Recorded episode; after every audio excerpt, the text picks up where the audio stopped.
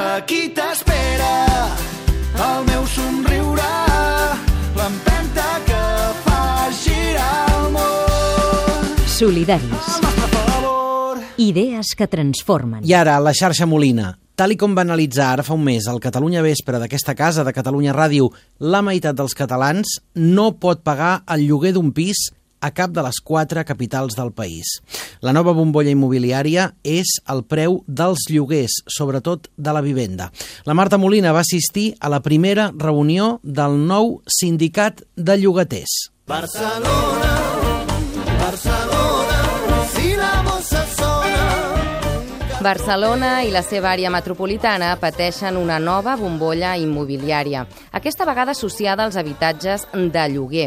En aquest context s'ha presentat el Sindicat de Llogaters i Llogateres, va ser el Casinet d'Hostafrancs de Barcelona i era la primera presentació i no tothom va poder entrar a la sala. Per això, de forma espontània, es va organitzar una assemblea al pati del Casinet que moltes el recordava als inicis del 15M i les assemblees de barri als espais públics. Els membres del sindicat, vestits amb samarreta taronja, responien als dubtes dels assistents, majoritàriament veïns de Barcelona, que volen un lloguer assequible i estable. Hola, doncs jo sóc el David i he vingut aquí a veure néixer aquest sindicat de llogaters, que és una gran esperança per molts veïns d'aquesta ciutat, no només pels que estan de lloguer, també pels que estan en, en propietat, perquè el problema que tenim ara mateix és un tsunami que afecta els barris, que està desertitzant els barris i que està destruint una de les principals riqueses que tenim a aquesta ciutat, que és és el teixit social que els habita.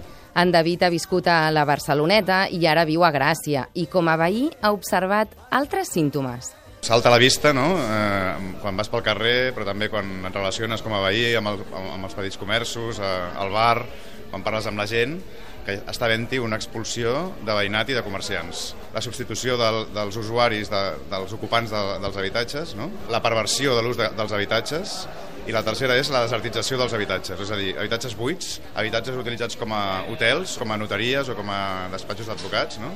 i habitatges d'on la gent ha de marxar perquè no arriben a final de mes, el- els hi puja, ara hi haurà 40.000 habitatges a, a Barcelona que se'ls acaba el, el, el contracte de 3 anys i molts d'ells es trobaran amb un increment de, del preu que no seran capaços d'afrontar-los. No? Això és un, un fenomen que, que afecta, afectarà tota l'àrea metropolitana i que és, és, que és molt preocupant. Li preguntem al David si el naixement d'aquest sindicat li recorda el sorgiment d'algun altre moviment. Sí, i tant, em recorda sens dubte la PA, la capacitat d'organització de, de baix cap a dalt i la capacitat d'incidència i esperem que, que, que siguin lluites complementàries i que arribem a incidir a, a les legislacions eh, estatals, sobretot que és el gran escull, la LAU, la Llei d'Arrendaments Urbans, igual que la PA porta tants anys, tants anys de lluita exemplar amb moltíssima potència però que eh, la legislació estatal no ha sigut enca encara capaç de, de reaccionar. No?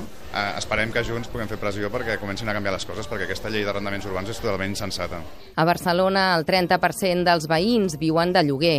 Aquesta xifra, molt per sobre de la mitjana espanyola, continua estant lluny d'altres ciutats europees, com Berlín, Amsterdam o París, on el lloguer representa més del 60% dels habitatges i és una opció més protegida per la llei. A Barcelona, el 83% dels desnonaments són conseqüència de l'aplicació de la llei d'arrendaments, la LAU, i mentre el preu mitjà dels pisos supera els 800 euros, una de cada tres persones tenen un sou inferior a 843 euros. Crec que és important eh, que hi hagi un sindicat de llogaters perquè realment, tal com estem, eh, no podem accedir a lloguers que siguin com realistes en relació amb els nostres sous i a més a més els contractes de lloguer són de 3 anys amb la qual si tens un lloguer una mica decent quan acaben els 3 anys, a no ser que tinguis molta sort amb el propietari o propietària, doncs eh, t'augmenten el lloguer o no te'l renoven. L'Anna Anguita també hi era. Ella és veïna del Guinardó, que després d'una llarga temporada fora de la ciutat va intentar buscar pis al seu barri de tota la vida, però en 3 anys no ho va aconseguir i se'n va anar a viure a la frontera de l'Hospitalet, al barri de Collblanc.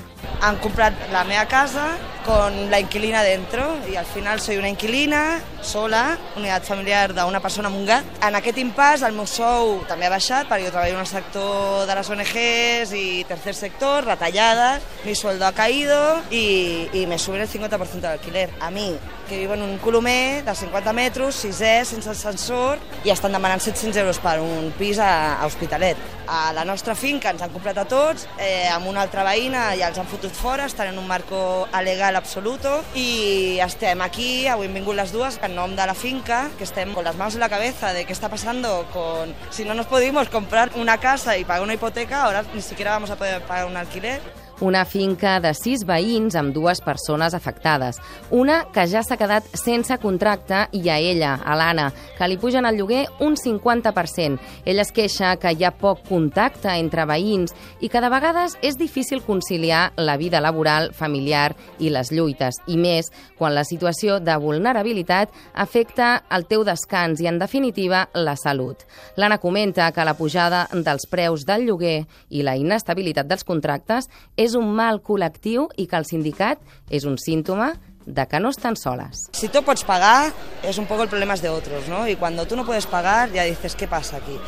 Y, y al final ets cara visible, no costa res exposar-te, però hay un mal social que es el de cada barco aguante su vela y que es más fácil convencer del apocalipsis que no de la utopía. Es que esto es muy gordo.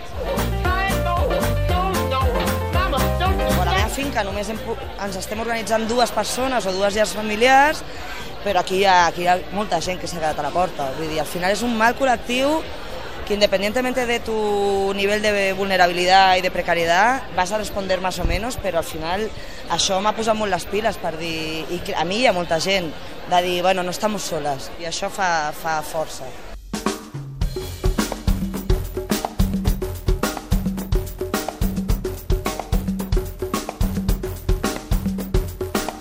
També hi era en Carlos Macías, portaveu de la plataforma d'afectats per la hipoteca. Recordem que la PA neix per organitzar les hipotecades i ara, pels lloguers, neix un altre moviment social, un sindicat amb afiliades, però que també vol fer mobilitzacions al carrer. Jo crec que al final són processos que no es donaran només ni a Barcelona ni a Madrid, sinó que hi ha una bombolla d'especulació amb el lloguer i que eh, al final és un procés natural, ens organitzem per defensar els nostres drets, llavors un, un atac que tenim totes les que vivim de lloguer és eh, l'expulsió per la carestia de, i l'especulació sobre els lloguers i segurament això es reproduirà per moltes altres ciutats. De fet, sindicats de llogaters n'hi ha de centenaris a països com Suècia, Alemanya, Argentina i també hi ha una federació internacional de sindicats, tot i que a casa nostra, històricament, hi ha hagut més cultura de la propietat. Aquí hi ha hagut com eh, experiències prèvies, no? d'una coordinadora de llogateres als 70, la vaga dels lloguers als, als 30, després també s'ha s'ha fet totes les polítiques encaminades a la propietat, eh, hem estat més pensant en la cultura, aquesta fal·làcia de la cultura de la propietat que en el lloguer i quan ara cada vegada més gent viu de lloguer i veiem els problemes i les dificultats de viure amb la legislació que tenim, doncs suposo que és quan ens adonem de que fa falta modificar eh, i treballar per garantir el dret a l'habitatge des de la perspectiva de la llogatera. Jaime Palomera, membre del sindicat, ens explica qui és el grup impulsor i quins són els propers passos. Som una trentena de persones, però a més hi ha un consell d'entitats de tota la ciutat, entitats eh, molt consolidades, eh, molt diverses, fins a 16 entitats de la ciutat que donen suport. I el bo és que no ha estat pas això un espai de negociació, un G20 de les entitats, sinó que és un espai fresc, eh, molt divers, amb gent que no ens coneixíem, que ens hem trobat i que l'únic que ens motivava és que som llogaters i llogateres que volem canviar la situació. El següent pas és l'assemblea oberta el divendres 26 a l'espai públic. Eh, Ens trobarem i començarem a decidir com revertim la situació i també fem una crida que la gent no només vingui a l'assemblea, sinó que també s'afili, perquè el que hem intentat explicar avui és que hem de créixer en potència numèrica, que hem de ser molts i moltes per canviar la llei d'arrendaments urbans que ens oprimeix, per limitar els preus del lloguer, Solidaris. Les entrevistes, els reportatges, les seccions dels col·laboradors. Descarrega-te'ls a catradio.cat barra solidaris.